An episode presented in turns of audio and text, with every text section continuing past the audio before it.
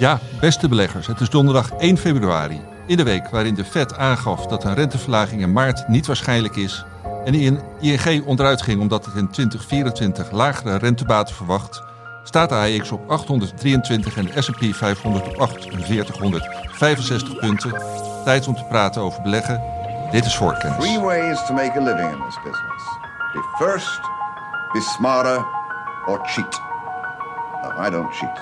Beleggersbelangen presenteert voor kennis.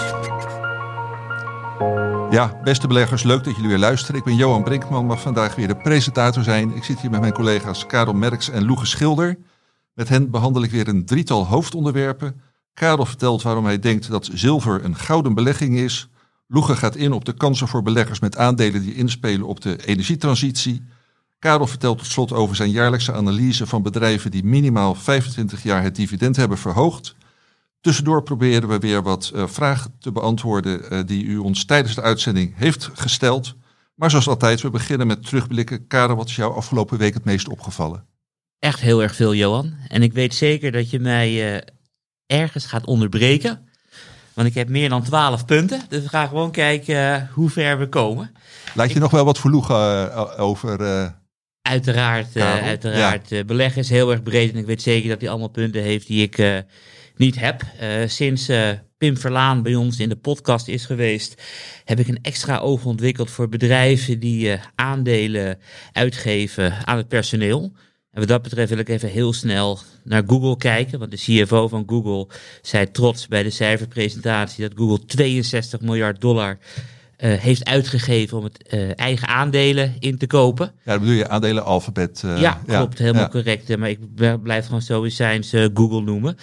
Um, alleen, ze hebben ook 22 miljard aandelen weer teruggegeven aan het personeel als secundaire arbeidsvoorwaarden.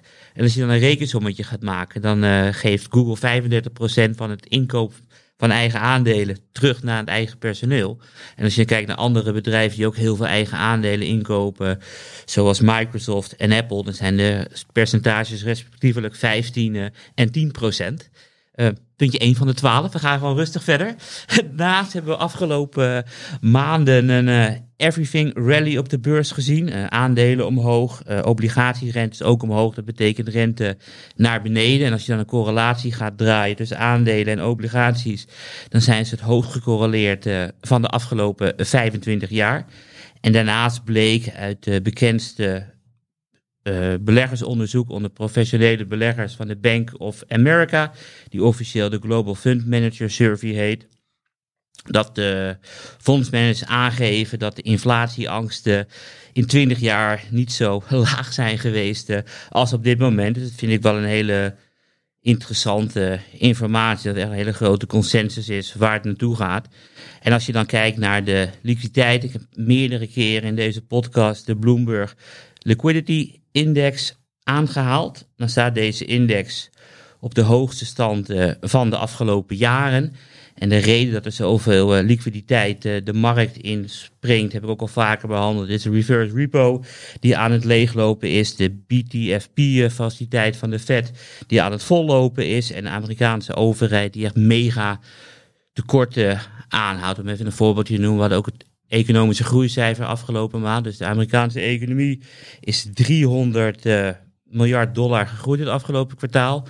En de overheid heeft uh, 500 miljard meer uitgegeven dan dat het binnenkrijgt. Dus dan weten we meteen ook waar al die liquiditeiten vandaan komen. En ik heb laatst verteld dat ik aan het speculeren ben op uh, met Bitcoin, Ethereum en Solana, omdat de liquiditeiten maar blijven toenemen. En omdat het nog heel veel gekker is uh, geworden, heb ik deze week ook Avalanche gekocht. Hmm. Nog weer een andere cryptomunt. Ja, klopt. Ja. Elke keer ietsje risicovoller, want die liquiditeiten nemen, nemen toe. En het gaat op een gegeven moment gaat FOMO weer terugkomen van fear of, uh, of missing out. Want dat zei JP Morgan ook, de beste manier om alles uh, omhoog te duwen is een buurman uh, die rijk wordt, zei hij 100 jaar geleden. Dus dat komt misschien terug, dus daar wil ik goed op gepositioneerd zijn. En wat op zich wel heel erg opvallend is, is dat de omloopsnelheid van het geld, dus hoe vaak gaat geld van hand op hand in de Verenigde Staten, dat is nu 10% hoger dan een jaar geleden en het is de snelste toename van de afgelopen eh 60 jaar. Dat laat ik wel weer zien. eh, Consumenten consumeren zich een ongeluk. ja, maar ook bedrijven en overheden. Want omloopsnelheid is van, ja, hoe lang hou jij, als ik jou, als wij een transactie doen en ik, ik geef je een euro, hoe lang hou je die euro vast voordat je hem weer aan Loegen geeft? En die omloopsnelheid is alleen maar eh, aan, het, eh, aan het toenemen. En er gebeurde afgelopen week zoveel, want dat is echt allemaal van deze week. Ik bedoel, Bank of America zei daarnaast eh, in, de, in dat eh, opkomende markten nog nooit zo'n grote instroom eh, gehad hebben als, als de afgelopen week. Dus Ja. beleggers zijn echt geld aan het verhuizen naar de, naar de opkomende markten. Dat is echt, echt mega. Ja, nou, dat is, heeft denk ik ook wel een haakje naar een, een van jouw onderwerpen, deze podcast, en naar artikelen die je voor beleggsbelangen gaat, gaat schrijven. Ja, klopt. en eh, je, ja, je hebt eh, niet de tel eh, bijgehouden Nee, van je wel hoor, 12 Ik ben punten. nu bij punt 6. Oh, je bent nu bij Wat- punt 6, Als ja. je heel vaak met beleggers spreekt, dan hoor je, ze, hoor je ze zeggen van ja, de aandelenmarkt gaat zo hard omhoog door de Magnificent Seven. Dus ik heb eventjes gekeken naar hoeveel aandelen die in de S&P 500 zitten boven hun gemiddelde koers van de afgelopen 200 dagen zit. En 75% van die aandelen noteert op een hogere koers dan een 200 eh, daags moving eh, average. En het is ook een van de hoogste percentages van de afgelopen jaren. Dus die markt wordt denk ik wel iets breder gedragen dan die Magnificent Seven. Al trekt die Magnificent Seven vooral de procentuele stijging heel erg omhoog. Ja, Ja, weet je, en daarnaast een aantal beleggers die volgen ook eh, mijn ideeën met frozen orange juice. Als je dan kijkt naar de Amerikaanse pakhuizen, de warenhuizen, hoeveel sinaasappelen daar liggen. Nou ja, weer een nieuw dieptepunt eh, afgelopen maand. Dus de laagste voorraden in 60 of 70 eh, jaar in de Verenigde Staten. En die prijs schiet ook weer hartstikke hard omhoog. Weet je, en eigenlijk al die onderdelen die we de afgelopen weken behandeld hebben, is er, is er nieuws gekomen afgelopen week. Want we hebben het ook heel ver, vaak gehad over het eh Suezkanaal. Daar is ook weer nieuws over. Het zijn, die Houthis vallen niet alleen nog de eh, schepen aan die gelieerd zijn aan het Verenigd Koninkrijk, Israël, de Verenigde Staten of andere westende mogendheden. Maar Russische schepen hebben ook verteld, we gaan nu ook omvaren. En de grootste verliezer, en ik heb echt geen idee hoe dat gaat aflopen, is Egypte. ja, Want ik bedoel, zij krijgen natuurlijk heel veel dollars binnen voor schepen die door het Suezkanaal gaan. Dat is er niet meer. nee. Er zijn veel minder dollars in de Egyptische economie. Ze hebben een munt vastgemaakt eh, voor 30 voor een Amerikaanse dollar. Op de zwarte markt is het nu ruim 70. Dus er zal ook wel een devaluatie aankomen. En een economische crisis die in Egypte alleen maar erger en erger wordt. In een regio die al in vuur en vlam staat. Ja, is ook weer escalatie deze Ja. week. Nou, Karel, ik, eh, ga je, af. ik ga je nu onderbreken. Helemaal goed. Ja. Eh, ook omdat ondertussen al via de live chat eh, vragen binnenkomen. Dus die moeten we ook allemaal nog eh, binnen een uur gaan, gaan behandelen. Althans, als we daar aan toe komen. Maar nou, ik wil eerst uiteraard het woord geven aan Loege Schilder. Hier voor het eerst aan tafel bij Voorkennis. Sinds eh, ja, een maand, eh, precies nu als dus beleggingsspecialist verbonden aan beleggersbelangen. Maar Loege, stel ja, voordat je met jouw terugblik begint, jezelf even in een paar zinnen voor als je wilt. Ja, nou, Loege Schilder, geboren en getogen in Volendam. Economie gestudeerd en sinds 2000 eh, in het effectenvak actief. In eerste instantie als optiehandelaar, opties Philips. En later eh, vermogensbeheer en de laatste jaren echt wel de focus op, op duurzaam beleggen. Oké, dankjewel. En je bent eh, ja, eh, een algemene beleggingsspecialist, maar bij beleggingsbelangen vooral een duurzaam eh, beleggingsspecialist. Nou, ik weet niet of jij ook eh 12 of 16 punten hebt zoals Karel, maar je hebt er vast wel een, een paar. Wat was jou het meeste opgevallen? Nou ja, de, we hadden dinsdag natuurlijk de cijfers van Alphabet en van Microsoft. En die waren in principe allebei goed. Eh, Microsoft nog beter dan Alphabet, maar werden allebei wel afgestraft. Afgestraft. Eh, Alphabet ging 7% terug, dus dat mag je wel afstraffen noemen.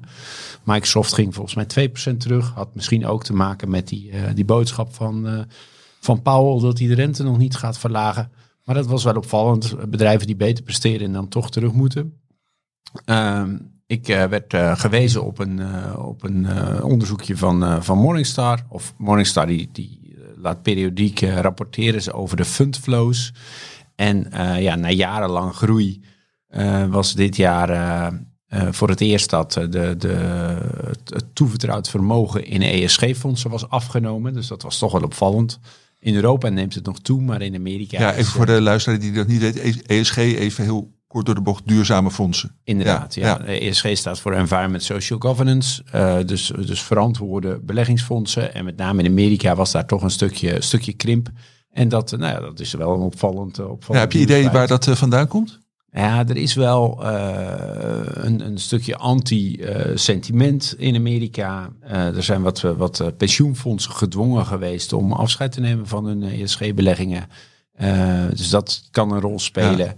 Maar het anti-sentiment heeft dat, eh, nou ja, even ook weer heel breed gezegd te maken met de, de cultuuroorlog al daar. Van dat alles wat duurzaam is door sommige andere partijen weer wat in een eh, ja, eh, Ja. beklaagde bankje wordt. Ik, eh, ik denk het wel. ja, ja, en dat is dat- toch- ja. Ja, weet je, eh, uiteindelijk denk ik dat het. eh, dat, dat de wereld eh, steeds duurzamer en steeds meer aandacht krijgt voor verantwoord. Dus het is, het is denk ik een, eh, een, een, een, hobbeltje in de weg.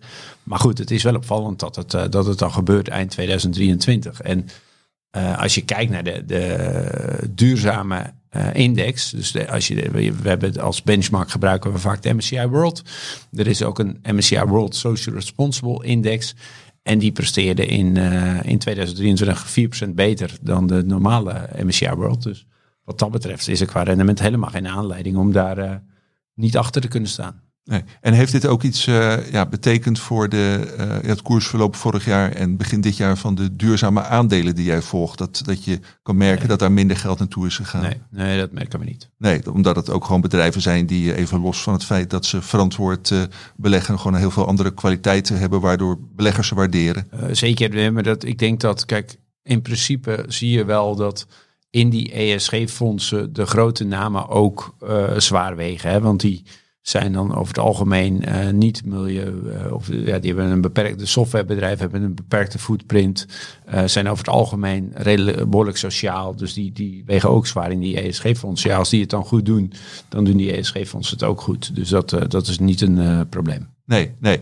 En nou heb jij, beheer jij bij ons de duurzame voorbeeldportefeuille, de zevende voorbeeldportefeuille die wij als beleggersbelangen alweer hebben voor onze abonnees. Eh, nou, we hebben er nu, net- nu net een maand eh, op zitten. Hoe, eh, hoe is die eerste maand gegaan? Ja, nou, bijna 3% rendement. Dus daar zijn we, zijn we blij mee. Ja, Dus ja, daarmee houden we eigenlijk de, de, de wereldwijde index bij. ja, want het is een goede maand geweest ja. voor aandelen in het algemeen. Maar dat geldt dus ook voor, voor duurzame Ja, aandelen, althans voor de aandelen die jij hebt geselecteerd. Absoluut. En er zaten een paar, paar leuke positieve verrassingen bij.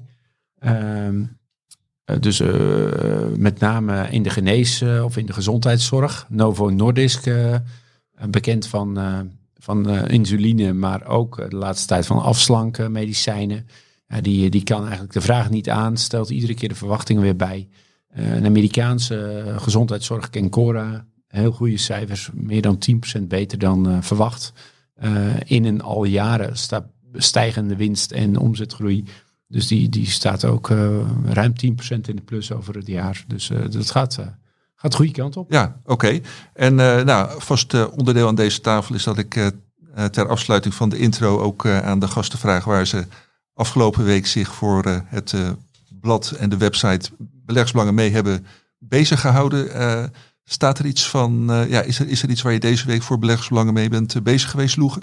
Ja, ik met een update over de portefeuille. Update Dus over de eh, portefeuille, gewoon ja. over de, Dus, de, ja, de we eerste net al maand. Ja, besproken. ja, nou, die staat eh, volgende week in het eh, magazine, maar al eerder eh, op onze website eh, te lezen voor digitale Nee. abonnees. En we hadden natuurlijk een onverwachte wijziging. Dus eh, Ja. Adecco kwam in het nieuws over eh, slechte huisvesting die zij regelen voor eh, arbeidsmigranten. Dat was echt zodanig slecht dat zij ook gelijk uit het register zijn geschrapt om die huisvesting te kunnen aanbieden. Ja, en zullen we dan even voor de niet-abonnee geheim houden Ja, welke fonds je daarvoor in de plaats hebt gedaan? helemaal prima. Oké. Eh, mooi. Eh eh, Karel, eh, wil jij nog iets noemen wat je afgelopen week voor Beleggersbelang hebt gedaan? Ja, zeker. De twee leukste artikelen die ik afgelopen week geschreven heb, zijn de aandelen die toevallig, niet toevallig, die ik ook zelf bezit. Dus de eerste zijn de Japanse aandelen. En die aandelen werden zelden zo laag gewaardeerd als nu. En ik zie eh, meerdere katalysatoren die ervoor zullen zorgen dat de onderwaardering eh, van Japanse aandelen er in de komende maanden, kwartalen en jaren uit zal gaan lopen. Dat vond ik heel erg leuk om op te schrijven. En de tweede is eh, het mijnbouwbedrijf Freeport McMoran. En de Chinese economie gaat ooit weer een keertje aantrekken. En als dat gebeurt, heeft de wereld meteen een tekort aan koper. Schrijven wij de Chinese economie eh, voor altijd af, wat ik niet geloof. Maar stel dat we daarvan uitgaan, dan is er vanuit de energietransitie ook genoeg eh, koper nodig voor een mooie toekomst eh, voor Freeport McMoran. Dus wij zullen die artikelen in de show notes zetten. Hartstikke goed, dank jullie wel. Voor kennis. Nou, gelijk maar door met het eh, eerste hoofdonderwerp. Ga ik meteen weer terug naar jou, eh, Karel. Eh, eh, zilver, daar wil jij het over hebben. Ja, ik zei een beetje flauw misschien, maar goed, ik ben van de flauwe woordspeling. Althans in deze podcast een gouden belegging. Maar ja, kun jij daar wat meer serieus op, op ingaan? Ja, zeker. We hebben een verhouding, kan je uitrekenen, tussen goud en zilver. Deze is met een stand van 90 heel erg hoog. Het gemiddelde over de afgelopen 100 jaar is rond de 40.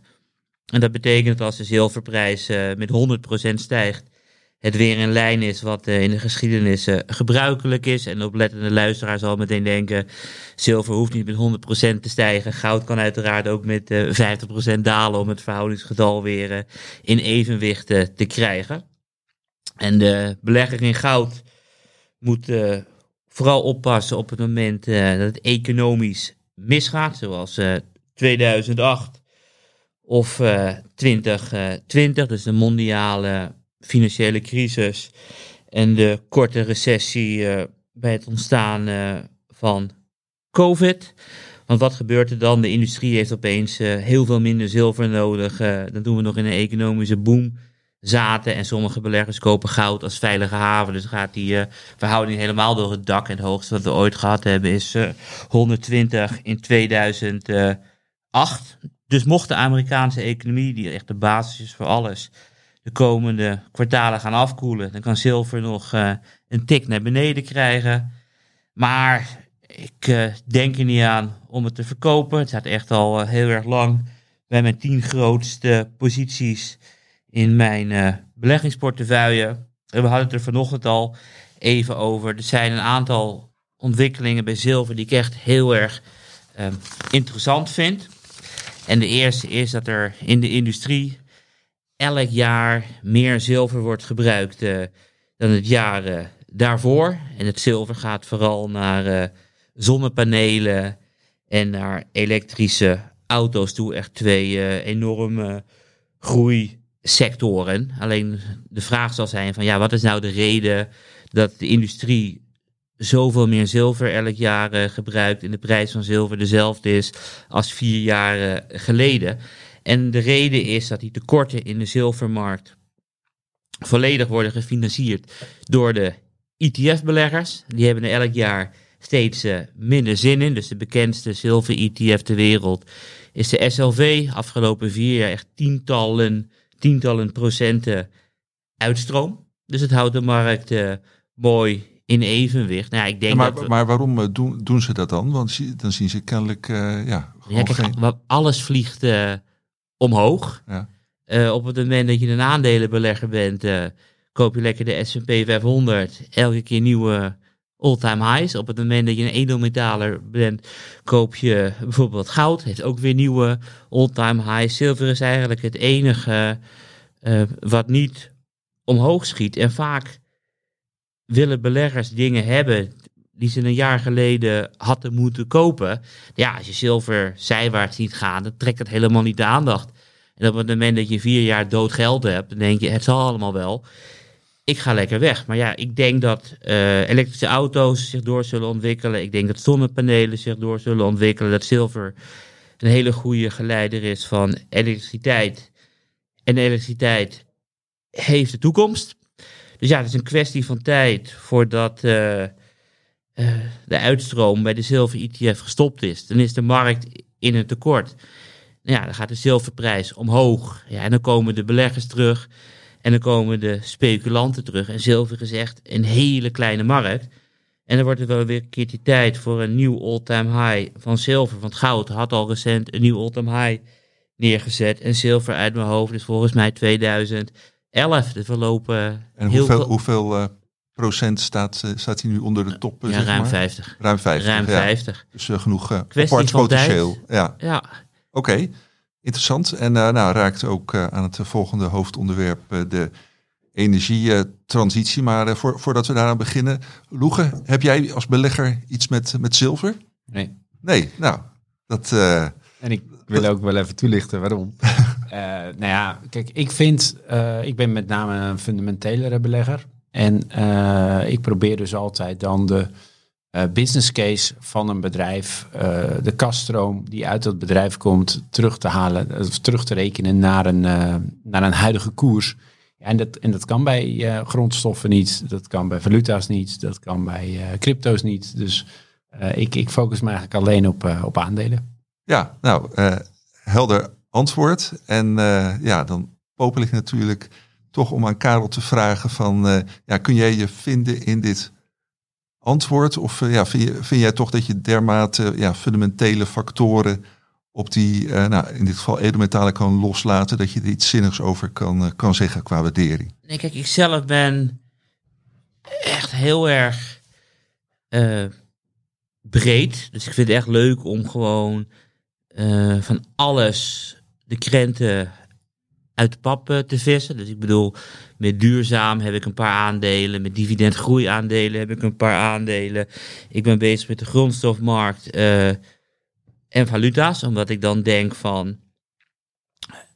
Altijd ergens gaat er wel weer een keer een boelmarkt ontstaan. En als je dan kijkt naar wat is de belangrijkste drijfveer voor eh grondstoffenmarkt, dan is het gewoon echt puur vraag en aanbod.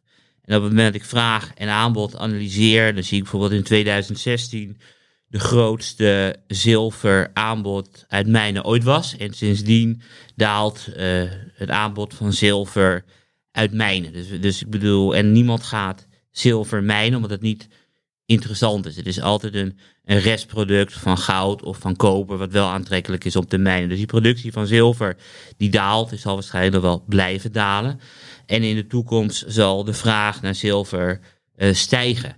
Ik kan dus niet zoals bij een dividendaandeel met fundamentele analyse bepalen wat de fair value is en waar we naartoe gaan. Ik denk alleen op het moment dat de vraag hoger is dan het aanbod en je hebt het echt per se nodig, dan zal die prijs stijgen. En zilver maakt maar een heel klein gedeelte uit van een, eh, van een zonnepaneel. Dus op het moment dat de zilverprijs maal 4 gaat, dan ga je nog steeds die zonnepanelen eh, ga je kopen, wat de prijs van een zonnepaneel niet maar 4 gaat. Dus ik ben ervan overtuigd dat de verhouding vraag-aanbod heel erg positief is. En ik zie wel waar de rit eh, naartoe gaat. Dus ik snap dat beleggers zich specialiseren op een klein onderdeel. En ik be- ben iets minder gespecialiseerd in één ding. En ik weet wat meer over verschillende dingen. Dat is mijn mening. Oké, dankjewel. En een vraag die me nou ook eh, spontaan eh, te binnen schiet eh, bij dit eh, onderwerp. Loegen vanuit ESG-opzicht, eh eh, mijnaandelen, eh, komen die bij jou door de selectie? Vrijwel niet. Vrijwel niet. Nou, ja, vrijwel niet. Van, eh, zijn Nee, natuurlijk dus, ook... dus je, kunt, je kunt een casus maken dat, eh, dat een eh, bedrijf gewoon echt noodzakelijk is voor de, voor de transitie of voor een, voor een met een duurzame impact. Maar over het algemeen is de, de footprint van zo'n mijnbedrijf eh, enorm. Eh, dus, dus er, is, komt veel CO2 vrij, er, er wordt veel energie verbruikt. De, de, lang niet altijd zijn de, de, de werkomstandigheden voor het personeel goed. Dus dat, ja, dat zijn allemaal wel red flags om, om in zo'n duurzaam en verantwoorde portefeuille te komen.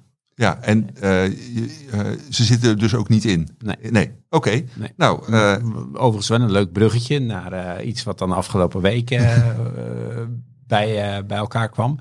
Pandora Dat is een Deens juwelenbedrijf, de grootste, in aantallen de grootste juwelier ter wereld. En die had in 2020 de, het doel gesteld om tegen eind 2025 alleen nog maar gerecycled, of gerecycled goud en zilver te gebruiken. En uh, zij hebben afgelopen kwartaal die doelstelling al bereikt. Oké. Dus, en, daar, en daar kunnen ze dan 58.000 kilo CO2 mee voorkomen. Ja, ja. Dat zijn zeker leuke feiten en ja. misschien wel doorslaggevende argumenten voor een, een duurzame belegger. En nou ja, ook leuk om te weten voor mensen die daar wel eens willen gaan winkelen bij die ja, Pandora winkels. En, en ze doen het ook financieel heel goed. Hè? Dus, dus beleggen in duurzame aandelen gaat niet alleen over de duurzaamheid, maar ook, ook over succesvolle business cases. En nou ja, zij hebben al diverse keren de omzetverwachtingen verhoogd, de winstverwachtingen verhoogd. En vorig jaar kwam er rond de 80% bij. En ook dit jaar zijn ze alweer heel goed begonnen. Ja, oké, super interessant. En ook een mooi bruggetje naar het volgende hoofdonderwerp. Oké, daarvoor druk ik het verkeerde muziekje in. maar dat, dat duurt gelukkig niet zo heel erg lang. Kunnen we even op adem komen.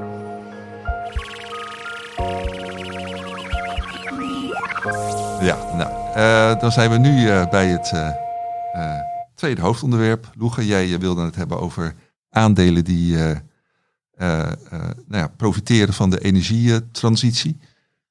Beleggen daarin. Ja, eerst misschien heel eventjes een vraag vooraf. Energietransitie is natuurlijk een woord wat je nu in, in kranten, op websites enorm, enorm veel tegenkomt.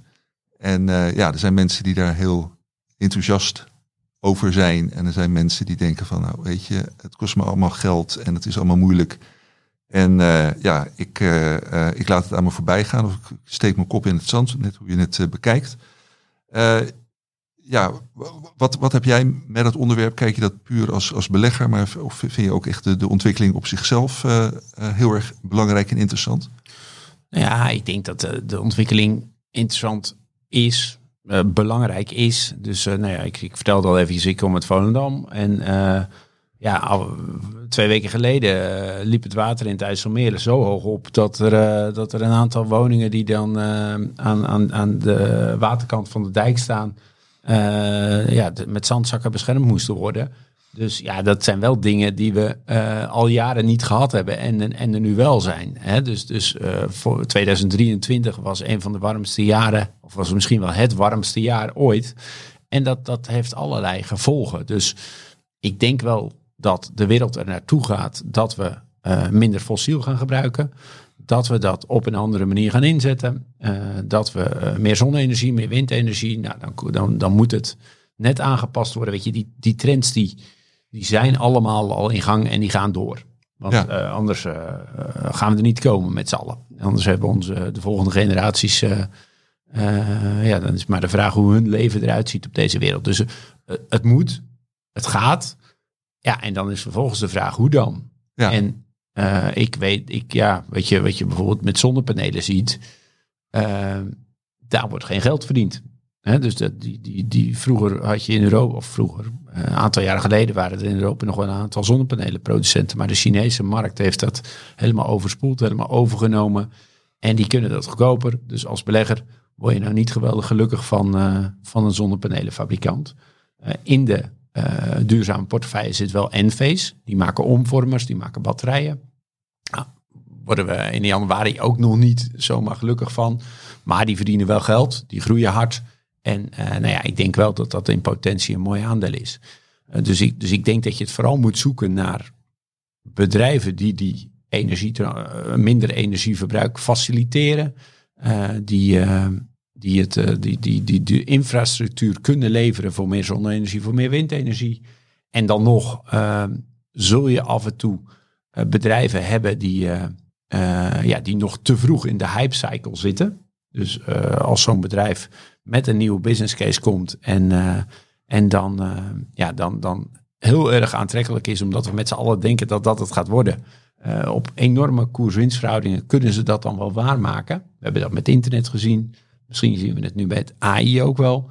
En ehm, ja, dat, dat zien we natuurlijk in de energietransitie ook wel. Maar als ze op een gegeven moment in dat, in dat plateau van productivity komen, als ze wel succesvolle business cases hebben waar ze zich kunnen onderscheiden, waar ze geld verdienen en waar ze goed kunnen groeien, dan worden het wel interessante bedrijven. Dat, Ja. is, dat is waar ik het zoek. Ja, oké, dat is, eh, is helder. En eh, ja, eh, in, in welke fase van die ja, bedrijfstak, van die sector en van die ja, beleggingscycle, zoals jij het noemt, zitten we nu? Want we weten natuurlijk eh, dat, d- ja, dat, er- dat er grote winsten zijn gemaakt de afgelopen jaren, althans bepaalde eh, aandelen, maar ook dat het hard naar beneden is gegaan. Ja, waar, waar, waar, waar bevindt die sector zich nu? Nou, ik denk dat dat voor, voor allerlei verschillende bedrijven in de sector anders is. Ja. Dus nou ja, vorige week in, de, in het blad eh, stond iets over Johnson Controls. Nou, die, die, die zorgen, die proberen bedrijven of eh, bedrijfsgebouwen en, en kantoorgebouwen energiezuiniger te krijgen. Ja, die hebben daar echt al wel een, eh, een succesvolle business case die, die al volwassen is. Hè? Dus, dus daar is dat geen probleem. Maar als je gaat kijken naar, naar waterstof, ja, dat zit nog vooraan in die hype. Dus, en, dus het is net waar de ontwikkeling zit, waar de bedrijven zitten en hoe zo'n bedrijf in die transitie zit. Ja, want eh, ja, energietransitie is natuurlijk op zich eh, een, een heel erg breed eh, begrip. Ja. Je zou zeggen containerbegrip. Wat zijn nou de ja, belangrijkste ja, subsectoren zeg maar, die jij daarin onderscheidt? Nou, duurzame energie, Ja. dus wind, zon, batterijen. Ik denk dat batterijen heel belangrijk worden de aankomende tijd. Dus tot, het, het ging altijd over wind, zon, waterstof. Maar ik denk dat batterijen eh, ondergewaardeerd is. Die, die komen dan met name voorbij als het over, eh, over die metalen gaat die nodig zijn voor die batterijen. Ook natuurlijk aan, in de auto, eh, eh, de EV-auto's. Ja, de, de westerse bedrijven zoals wij ze kennen, behalve eh, nou, Tesla, eh, heeft natuurlijk wel fantastisch gedaan. Maar de vraag is of Tesla die verwachtingen kan waarmaken. Ik ben daar zelf iets sceptischer over. Eh, maar dat, ja, voor de rest zie je nu dat Aziatische eh, merken die, eh, die die markt overnemen. Dus, dus ja, de EV is niet per se voor westerse bedrijven een, eh, een interessante, denk ik. Maar er zitten wel een aantal bedrijven die dan weer toeleverancier zijn. En die doen het wel goed. Ja, ja. Dus dat, dat, is, dat is één eh, subsector. Ja, ik denk dat dat er twee zijn. Dus Ja. aan de ene kant heb je dus het opwekken van energie en Ja. de opslag. Ja. Aan de andere kant heb je dan de, het transport wat, wat duurzamer wordt. Bij de, in de bouwsector, beton, eh, cement is, is een behoorlijke CO2-opwek, oh, ja, eh, uitstoter. Daar zal een alternatief moeten komen. Staal, eh, sommige staalbedrijven zitten nu met groen, eh, met groen staal. Daar zit denk ik een, eh, daar zit denk ik een stuk. Ja, en dan toch heel specifiek die eh, bedrijven die eh, zorgen voor duurzamere eh, productiemethodes. Ik denk dat dat de vierde categorie is. Ja, oké, dankjewel. En eh, ja, dan, eh, ja, waar, waar zie jij op dit moment eh, dan vooral kansen voor beleggers? In welke sectoren, bij welke bedrijven? In die laatste. Ja, Ja, ja. Dus de, en, dat, en dat is dan toch, dat kun je niet over één kam. Het is niet iets van, nou, dat gaat altijd goed. Maar in die laatste categorie, daar zitten heel specialistische bedrijven die, omdat ze specialist zijn, een USP hebben, waarmee ze geld kunnen verdienen. En als zij ja, kunnen zorgen dat een bedrijf goedkoper, maar ook duurzamer kan werken, dan, dan, dan, dan, dan komt er employ voor en, eh, en daar verdienen zij hun geld mee. ja. En kun je daar één of twee voorbeelden van, eh, van noemen? Van eh, bedrijven die dat heel erg goed doen? Nou ja, Borg Warner, toeleverancier voor de auto-industrie, focust zich echt op dat elektrische stuk. Ehm, andere, de Duitse chipmaker Infineon, eh, maakt met name chips voor de verduurzaming. Dus dat zijn wel twee bedrijven die in die hoek zitten. Eh, en, en ja, omdat eh, bijvoorbeeld die EV-markt een beetje tegen is gevallen, ook eh, ja, nog niet zo hard omhoog zijn gegaan. Mag ik, wat is, ehm, ik weet heel weinig van chips. Wat is het verschil tussen een, een chip die je gebruikt bijvoorbeeld eh, voor rekenkracht, voor kunstmatige intelligentie en een chip van Infineon die je gebruikt voor duurzaamheid? Zijn het andere soorten rekenkrachten? Ja. Eh, ja, of andere soorten rekenkrachten. je mag het heel bazaal uitleggen, maar- want, nou ja. helemaal, want ik dacht wel rekenkracht is rekenkracht. Nou, niet, niet helemaal. Kijk, een, een chip die, eh, die in een iPhone moet, die zo klein mogelijk moet zijn en die zo licht mogelijk moet zijn, die heeft heel andere specificaties als een chip die in een auto gaat. Hè, want die auto die is veel groter, die chip die, die, die eh, kan best wat minder geavanceerd zijn. Eh, maar ja, en ook in die auto zijn er weer verschillende type chips. Dus sommige chips zijn heel makkelijk voor je ruitenwissers als de, Als, de, als er een druppeltje op het, eh, op het Ja. raam valt, dat hij dan gaat, eh, gaat Oké, bewegen. dus, je, dus, je- dus in een auto heb je dus andere chips voor elektrisch en voor fossiel, om het even te noemen. je, je hebt echt Eh, ook. En Nvidion is dus, als je wat wil met chippers die met duurzaamheid doen, kijk dan eens naar Nvidion, zeg Ja. je. Maar- Oké. Nee, want zij, zij, doen ook dus veel, zij leveren ook veel aan de, aan de eh, windenergie-industrie, aan de zonne-energie, eh, aan, aan, aan energiebedrijven. dus dat, ja, maar ja, dat is, een, dat is een ander segment dan ASML bijvoorbeeld. Die eh, machines levert voor partijen die dan weer AI-chips kunnen maken. Ja. Ja, en ik neem aan dat in die eh, laatste categorie die je benoemd, dat eh, ja, verschillende aandelen die daartoe behoren ook in eh, de duurzame portefeuille zitten. Ja, een aantal. Ja. Ja. En kun je daarvan eentje noemen die we dan toch aan ook de, de luisterende niet-abonnees kunnen Ja, weggeven? Ik, ik, noem, ik noemde ze net eigenlijk al Ja, twee. Ja. Dus Borg Warner en Infineon zitten allebei in die portefeuille. Ja, oké, helder. En ehm, eh, nou hebben we natuurlijk. Discussiëren we natuurlijk al, eh, al, al jarenlang over dit onderwerp, ook eh, op de redactie. En eh, ja, Karel is iemand die ook niet moe wordt om te zeggen van ja, de wereld die heeft gewoon nog 10, 20, 30 jaar gewoon veel meer olie en andere fossiele brandstoffen nodig dan, ja, dan nu. Gewoon omdat de vraag zo kolossaal is. Eh, eh, even los van de vraag of je dat eh, ja, als mens eh, wel of niet leuk vindt. Hoe kijk je daar als belegger tegenaan? Ehm, nou, eh, als dus ik, ik zeg ook wel eens eh, Tata Steel. Dat maakt nog steeds staal in, in Nederland. Maar de vraag is of daar, hoe lang daar al geen geld wordt verdiend.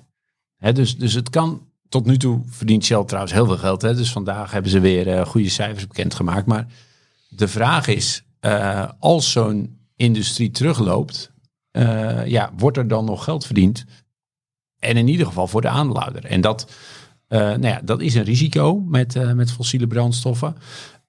En, nou ja, dat, maar dat is wel eentje in de categorie klimaatoptimisten. Hè, dus, want ik zie natuurlijk ook wel dat er nog heel veel olie gebruikt wordt. Maar ehm, wat, je, wat je ziet is dat in, met name in, in Azië, dat zij de volgende stap maken. Dus waar wij eigenlijk iedere keer die stap hebben gemaakt van kolen naar de, en, en op een gegeven moment dan naar zon, eh, maken ze in Azië vaak al gelijk de stap naar eh, duurzame eh, centrales. Dus, dus wat dat betreft gaat de ontwikkeling daar wel sneller. Dus wij hebben allemaal het idee als we op vakantie zijn in Thailand van nou, hier is helemaal, doen ze niks met zon. Maar als, je, als je gewoon naar de data kijkt die dan aangeleverd worden, eh, ja, is die groei er wel degelijk. En zou het zomaar sneller kunnen gaan dan we nu denken. Ja, en dan heb je het niet alleen over China, maar dus ook over een land als, eh, als. Thailand, India. Ja, Ja, met name China en India. Ja. Die hebben heel veel eh, nieuwe zonne-energie eh, eh, geïnstalleerd. ja, ja. En de vraag is ook van, het hoeft niet. Ehm, duurzaamheid kan niet heel snel groeien, terwijl fossiel krimpt. Het kan natuurlijk ook beide zijn. En er zijn ook bepaalde scholen die ervan uitgaan dat er steeds meer energie nodig is. Want ik bedoel, we hebben eh, eind 2022 kwam kunstmatige intelligentie op. Althans, werd het gewoon voor, eh, konden wij het als privépersoon gebruiken in ChatGTP. En wat blijkt, eh, ze moeten steeds meer datacenters bouwen omdat het echt vreet, het vreet energie. Het vreet energie. Dus hoe meer AI groeit, hoe meer energie ehm, we gebruiken. En je ziet nu dus al eh, dat het oliegebruik op de wereld eh, op een all-time high staat. 103 miljoen vaten eh, per dag. En de wereld heeft gewoon echt heel veel energie nodig. En ik, en een van de dingen die ik volg is bij het Research Insti- Instituut Kepler. Die houdt dus bij van wat zijn de olievoorraden wereldwijd eh, op land, maar ook eh, op zee. In olietankers kan je ook in opslaan. En op dit moment zijn de olievoorraden zijn de eh, laagste van de afgelopen zes jaar. En dan heeft ondertussen president Biden nog een keertje 300 miljoen vaten uit de strategische Amerikaanse reserves eh, op de markt gedumpt. En toch zijn die voorraden de laagste ooit. Dus ik ben met Loegen eens dat het heel erg snel eh, kan gaan. En ik hou het ook eh, in de gaten. Maar tot nu toe zie je elke keer weer een all-time high zien in het dagelijks gebruik van olie. En voordat ik word afgeschilderd als echt een pro-olieman, wil ik ook even vertellen over mijn eh, belegging in Indonesië. Want zij zijn, wat Loege ook zegt, Europa verliest het misschien met het maken van EV's. Maar Azië is enorm in opkomst. En voor een elektro- elektrische auto heb je nikkel nodig. En de grootste nikkelmijn ter wereld staat in Indonesië. En de overheid zegt, we gaan dit niet exporteren. We gaan, eh, je mag het alleen gebruiken als jij je bedrijf in Indonesië neerzet. Dus ze willen echt de hele supply chain van mijnbouw tot en met het maken van EV's en alles wat ertussen zit, willen ze in Indonesië doen. Dus ik geloof echt dat Indonesië een enorme groeimotor is eh, in de komende jaren. Dus ik bedoel, ik zit ook in Indonesië en niet alleen in fossiel. Nee, helder, eh, Karel. En eh, ja, ik vind het meteen ook trouwens wel een eh, bruggetje naar een van de vragen die eh, zijn binnengekomen voor deze podcast. Eh, deze vraag is voor jou, eh Loege, die is van eh, Rick Razing. Dankjewel, Rick. Hij zegt, ik heb met eh, interesse het verhaal over Johnson Controls eh, gelezen, wat vorige week bij ons op de website en in het magazine stond. Kun je dit vergelijken met bijvoorbeeld Alberts in Nederland? Kun je daar iets zinnigs over zeggen, Loege? Jawel, nou, kijk, de vraag stellen is hem natuurlijk al gedeeltelijk beantwoorden. Dus ja, het, eh, Albert zit ook in het verduurzamen van, van, van, van gebouwen, van, van processen eh, met, eh, met, met apparatuur. Maar ik denk wel dat, dat Albert zit meer eh, in, de, in de industriële apparatuur, terwijl eh, Johnson Controls meer in, het, in de afwerking zit. Dus waar Albert zit met de leidingen, met, met, en, en Johnson Controls zit bijvoorbeeld met verwarmingssystemen, met brandbeveiliging. Dus die, die zit echt in de laatste fase, en in het gebouwbeheer. Dus die zit echt in de laatste fase als het gebouw al vrijwel opgeleverd is en in bedrijf is, dan hebben zij de toegevoegde waarde. Terwijl volgens mij Albers meer in de, in de opbouw van zo'n eh, van zo'n gebouw zit. Ja, dus eh, wel vergelijkbaar, maar toch weer iets anders. Vind jij even het algemeen Alberts ook een duurzaam bedrijf? Of komt hij naar voren in jouw data als zijnde duurzaam? komt wel, komt wel naar voren als duurzaam, met dan, maar dan met name op de, op de impact. Dus zij, in hun, in hun, zij proberen die duurzaamheid eh, wel bij te dragen aan duurzaam. Maar omdat ze natuurlijk echt puur een productiebedrijf zijn, eh, ja, hebben ze uiteindelijk best wel een footprint. Ja, Ze oké. hebben best wel wat energieverbruik Ja. zetten. et cetera en dergelijke. Ja. Nou, eh, bedankt eh, voor je vraag, Rick. En heb ik hier nog een vraag waarvan ik niet weet, maar dat is, dat is live uitzenden of eh Loege of Karel daar iets van weten. Bot wat het bedrijf niet meer beursgenoteerd een kaart heeft gedaan op, op Hydratech. Eh, ik, kijk, ik moet je, jullie kijken allemaal eh, allebei een beetje van waar, waar heeft deze eh, meneer, trouwens meneer Sikkema het over? Nou, ik heb, ik heb het persbericht gelezen. Ja, maar goed, Wat vinden is- jullie van het bod van Tecate in zaken Hydratec?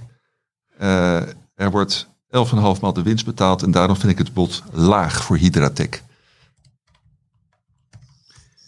Eh, ja, met, met even, maar goed, niet gebaseerd op enige achtergrond, want ik heb, ik heb de analyse niet gedaan, maar ehm 11,5 keer de winst lijkt niet enorm hoog, eh, gegeven de huidige rente. Maar ja, dat, dat hangt dan ook weer af van de, van de, van de groeivooruitzichten, van eh, wat zijn alternatieven. eh, dus ja, ik vind het, ik, ik kan hem niet...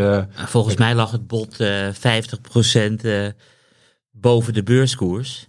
Dat klinkt wel als een enorme premie, toch? Ja, ja. Of was het niet 50%? Ik, ik zelf volg het aandeel niet. Nee, ik google het even heel snel en ik zie plus 48% eh, Ja, st- staan. En dan is de vraag van ja, het is, het is misschien laag. ja, Maar de vraag is dan waarom was de waardering vroeger nog veel lager? ja. Want ik bedoel, een hoge premie is een hoge premie. 50% is 50% eh, zou ik zeggen. Dat, eh, Oké, ehm, we gaan door met het volgende hoofdonderwerp. Voorkennis. En dat is eh, tevens het, eh, het derde en laatste hoofdonderwerp. Eh, en nou, daar heeft de Karel weer de nodige research voor gedaan. Namelijk Klopt. een analyse van dividendaandelen.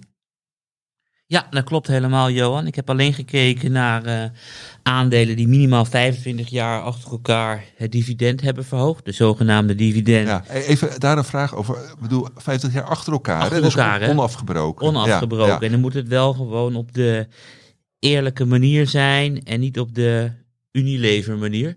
Maar die doet dan soms per zeven kwartalen. Dus gemiddeld heb je dan nog één keer per jaar, maar dan wel hele rare dingen. Maar gewoon de Amerikaanse manier, één keer per jaar verhogen. En heb je naar aandelen wereldwijd eh, gekeken? Nee, of? alleen de Amerikanen. Maar dat heb ik vooral gedaan omdat daar de data veel beter eh, is uitgesplitst. En zij Ja. zijn natuurlijk al in de jaren twintig van de vorige eeuw begonnen met eh, vier keer per jaar eh, dividenden betalen. Dus gewoon al ruim 100 jaar geleden. En de rest van de wereld hobbelt daar een klein beetje achteraan. Ja, en dan eh, de cliffhanger is denk ik dat Karel het, eh, het meest aantrekkelijke dividendaandeel in zijn ogen gaat onthullen. Ja, klopt. Maar we gaan Ja. eerst een heel klein beetje een, een achtergrondje geven. Ja, we gaan dat. geen onderwerp van twee minuten doen. Ehm, je hebt heel veel aantrekkelijke, op het oog aantrekkelijke aandelen. Dus ik heb eerst even gekeken van welk aandeel, dividendaandeel, keert het meeste dividend uit. Dat is eh 3M. Die zit bijvoorbeeld op 6,2% per jaar. Een heel mooi dividendrendement. En dat weten ze ook al 65 jaar achter elkaar eh, te verhogen. Alleen het nadeel is, als je dan kijkt naar de dividendgroei van 3M over de afgelopen vijf jaar, dan zitten ze gemiddeld op eh, 0,8% eh, per jaar. En als je dan kijkt naar de dividendportefeuille van beleggersbelangen, dan blijkt dat de aandelen het hoogste rendement weten te behalen die eh, de dividend per jaar het meest laten groeien. En dat is dus niet eh 3M, hoe aantrekkelijk eh 6,2% per jaar er ook uitziet. Maar als je naar groei gaat kijken, dan spreekt bijvoorbeeld eh, de Industrial Roper eruit. Die eh, hebben de afgelopen vijf jaar eh, het dividend laten groeien met 10,2% eh, per jaar. Wat echt veel beter is eh, dan 3M. En Roper keert daarnaast ook eh, eh, minder dan 10% eh, van de netto winst uit. Dus dan kan het ook nog eh, vele jaren met hele mooie percentages omhoog.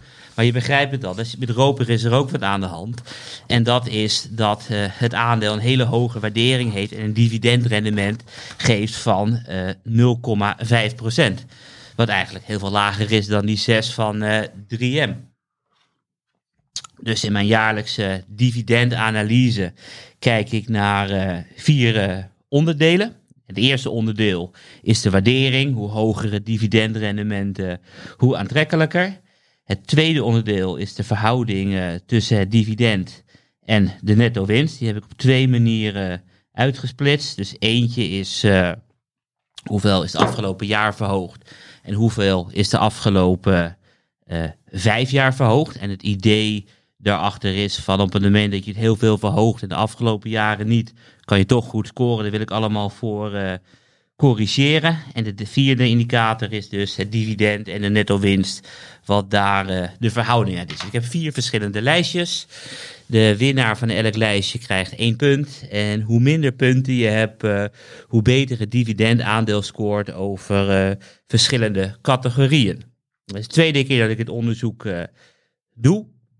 De vorige keer was het onderzoek eh, gewonnen door eh, General Dynamic. Ehm, verschrikkelijk goed eh, gepresteerd. Alleen geen enkele lezer of ik zelf kan het kopen. Omdat zij munitie maken waarvan Nederland vindt dat het zelfs voor een oorlog te fout is. Dus dat ook op de zwarte lijst. We hebben er niet in kunnen beleggen. Maar het is wel fantastische rendementen behaald. Maar dit jaar hebben we een winnaar die, waar je wel in kan beleggen. Dus die heb ik afgelopen week eh, eh, ook gekocht. Stefan zou zeggen, af en toe het zeggen in de redactievergadering, eerst even trommelgerobbel. Wie de winnaar is. En dat is eh Cinetti Financial geworden. Dat is een verzekeraar in de Verenigde Staten uiteraard. Met een dividend yield van 2,9%. Wat goed is voor plekje 27 in de ranking. Het dividend is gemiddeld de afgelopen vijf jaar met 6% eh, per jaar omhoog gegaan. Wat goed is voor plekje 23 in de ranking. Afgelopen jaar ging het dividend met 10% omhoog. Dat was plekje 9 in de ranking. En ze betalen iets minder dan 27% uit van de netto winst aan dividend. Wat goed is voor plekje 13. En ga je al deze rankings ook in de show notes eh, zetten, Karel? Of wordt dat een beetje het... eh, Oeh, ik zal kijken wat ik allemaal eh, kan delen eruit. Want het is wel uiteraard mijn Excel-bestand waar ik echt eh, met houtje en touwtje dingen Ja, aan het nou, berekenen een, ben. eh, een, ik zal eh, kijken of ik het kan opkalevateren om wat leuke dingen te delen. ja, ja, is eh, ook altijd leuk eh, voor het bezoek aan onze website. Ja, Uiteraard. Ja, ja, Het klopt. is trouwens sowieso een leuke websi- website om te bezoeken, maar eh ga door, Karel. Nou ja, eigenlijk al die statistieken hadden zoiets van eh, hartstikke mooi, hoog dividendrendement, lage payout ratio, dividend gaat op 1 en 5 jaar eh, hard omhoog. Dus ik heb het eh, aandeel afgelopen week gekocht voor mijn portefeuille. En ik denk, hé, hey, beste dividendaandelen, Senetti. Ja, oké. Eh, nou, we zetten in ieder geval eh, dat, eh, dat aandeel en eh, de code, de tickercode die erbij hoort, zetten we wel eh, in de show notes. Ja, eh, eh, SINF. SINF. Oké. En eh, ja, brengt mij ook wel op de logische vraag, Loegen, in de voorbeeldportefeuille die jij beheert. Welke, of speelt dividend daarin überhaupt een rol? Nee. Ja, dus, dus weet je, het speelt wel een rol. Eh, want eh, een van de selectiecriteria in, een, eh, in, de, in de eerste stap in het kwantitatieve algoritme is ja, hoe ge- goed gaat een bedrijf met zijn, met zijn cash, met zijn, met zijn geld om. En over het algemeen bedrijven die een wat hoger dividend uitkeren, die, die, gaan, ja, die gaan wat zuiniger met het geld om. Dus dat is, dat is een pre. En daarnaast is natuurlijk ook een interessante waardering goed. En eh, ja, des te hogere dividendrendement, des te lager eh, de waardering over het algemeen. Eh, maar ja, de andere kant is weer, als een bedrijf heel veel uit kan keren, dan, dan heeft hij blijkbaar niet zoveel nodig om te groeien. En dat is weer de, dus het is altijd een beetje de mix. Dus daarom vind ik het ook goed dat Karel kijkt naar, naar die groei van de dividend en ook naar die payout ratio. Want ja, bedrijven die meer dan de winst uitkeren, dat is natuurlijk ook niet zo, niet zo lang houdbaar. En, en, maar wat ik misschien wel het belangrijkste vind, is dat je van het dividend ook weer nieuwe aandelen kunt kopen, waarmee je natuurlijk je portefeuille kunt uitbreiden. En Ja. waarmee je winst per aandeel eh, omhoog kan gaan. Ja. Dus, dat, eh, dus wat dat betreft speelt zeker een rol, maar niet doorslaggevend. Nee, helder. En eh, ja, op dit onderdeel is ook nog een vraag binnengekomen van Rob van Westing. Ik lees hem voor. Hoe kijkt Karel aan bij de behandeling van dividendaandelen tegen business development companies in de USA? Oeh, ik heb er zelf heel weinig verstand van. Ik weet zelf niet eens heel zeker eh, wat het ook alweer is. Volgens mij zijn het bedrijven die ook heel veel eh, private equity doen. Dus volgens mij is Blackstone een voorbeeld. Ik weet niet of Loege er meer ervaring mee heeft. Nee. Nee, ja, Ik denk dat private equity eh, is ja, erg. ja, ja, nee, maar dit is een live podcast. Dat er Ja, nee, maar klopt. Ik vragen heb, ik heb het wel op een lijst gezet van- van een keertje goed naar kijken. Van ja, misschien, ja. eh, nou, misschien een van de komende weken een lezersvraag, eh, Karel, om eh, daar eens in te duiken voor jou of iemand anders eh, op de Ja, redactie. volgens mij had Martijn het ook laatst nog in een podcast genoemd, private equity en dergelijke. Maar we gaan sowieso gaan we het uitzoeken. Dat is ook het leuke van, van vragen stellen in de live uitzending. Want vorige week konden mijn collega's ook niet alles beantwoorden. Maar die hebben wel weer beantwoord in artikelen in beleggersbelangen. Dus iedereen die dit terugluistert, uh, kijk ook een keer live mee en stel vragen. Want dan gaan ze sowieso ja. uh, uitzoeken en beantwoorden. Ja, oké. Okay. Uh, nou, dat is het, ook het derde hoofdonderwerp behandeld. Gaan we heel langzaam richting afsluiting. Maar dat doen we traditioneel met, ja, waar kijken de gasten, de specialisten hier aan tafel voor de komende week naar uit. Loegen, mag ik dan met jou beginnen? Zeker. Nou ja, ik, ik focus toch wel behoorlijk op de cijfers. Vanavond een hele belangrijke uh, moment op als, uh, als Amazon, Meta en Apple met, met de cijfers komen. Ja, het is dus donderdagavond voor de mensen die morgen luisteren. Ja, ja. ja dus dat was dan, dan was het gisteren, dan, weet, dan weten jullie het al. Ja, ja. Maar ja, donderdagavond tien uur naar beurs. En dan, ja, die, die, die, die bedrijven zijn natuurlijk heel belangrijk in de index. geven ook, ook richting aan de rest van de economie. Dus en, en ook, maar ook voor de rest. Hè. Dus ik, ik gaf al aan dat wij toch wel, of dat ik toch wel behoorlijk kijk naar fundamenteel hoe ontwikkelt die winst zich. Want mijn overtuiging is, als de winst op lange termijn groeit, dan volgt de waarde van het bedrijf vanzelf. Dus ja, op het, rondom die cijfers komt er dan informatie met uh, ja, hopelijk beter dan verwachte winstcijfers, uh, bijstellingen van de groei naar de toekomst toe. Ja, en dat heeft over het algemeen, als dat, als dat gebeurt, heb je mooie, mooie koersrendementen ook. Dus dat is voor mij het allerbelangrijkste in het, in het jaar, die kwartaalcijfers en hoe de bedrijven zich ontwikkelen. Ja, en heb je dan eh, met betrekking tot eh, ja, de aandelen die in de duurzame portefeuille zitten, bepaalde cijfers waar je met extra aandacht eh, naar kijkt? Nee, of niet dat, dat niet? Nee, Nee. nee. Oké, helder. Karel, waar kijk jij eh, voor de komende week het eh, meest naar uit? Ja, het is inderdaad eh, de week voor elke belegger. Want als bedrijven hun eh, cijfers presenteren en analisten stellen moeilijke vragen in de analistencall, dan ben je als belegger eh, weer extra op de hoogte van wat er precies in de wereld aan het gebeuren is. Dus het zijn de belangrijkste weken van het kwartaal. Van de sectoren die ik volg of waarin ik eh, privé een positie heb, was vandaag uiteraard Shell. Morgen komt eh Chevron. 7 februari volgende week eh, van de aandelen die ik volg. Petrobras, Total Energies en, en Disney. En 8 eh, februari Maersk en, en Chemico. Dus de komende dagen ga ik me niet vervelen. Nee, nou, dat is heel goed nieuws aan het einde van de, van de uitzending. Eh, nou, dank jullie wel, eh, Karel, eh Loege, eh, luisteraars en kijkers.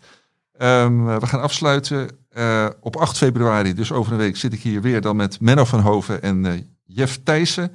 Heeft u vragen voor een van beide heren, dan kunt u die eh, al de hele week eh, mailen naar voorkennis.belegsbelangen.nl.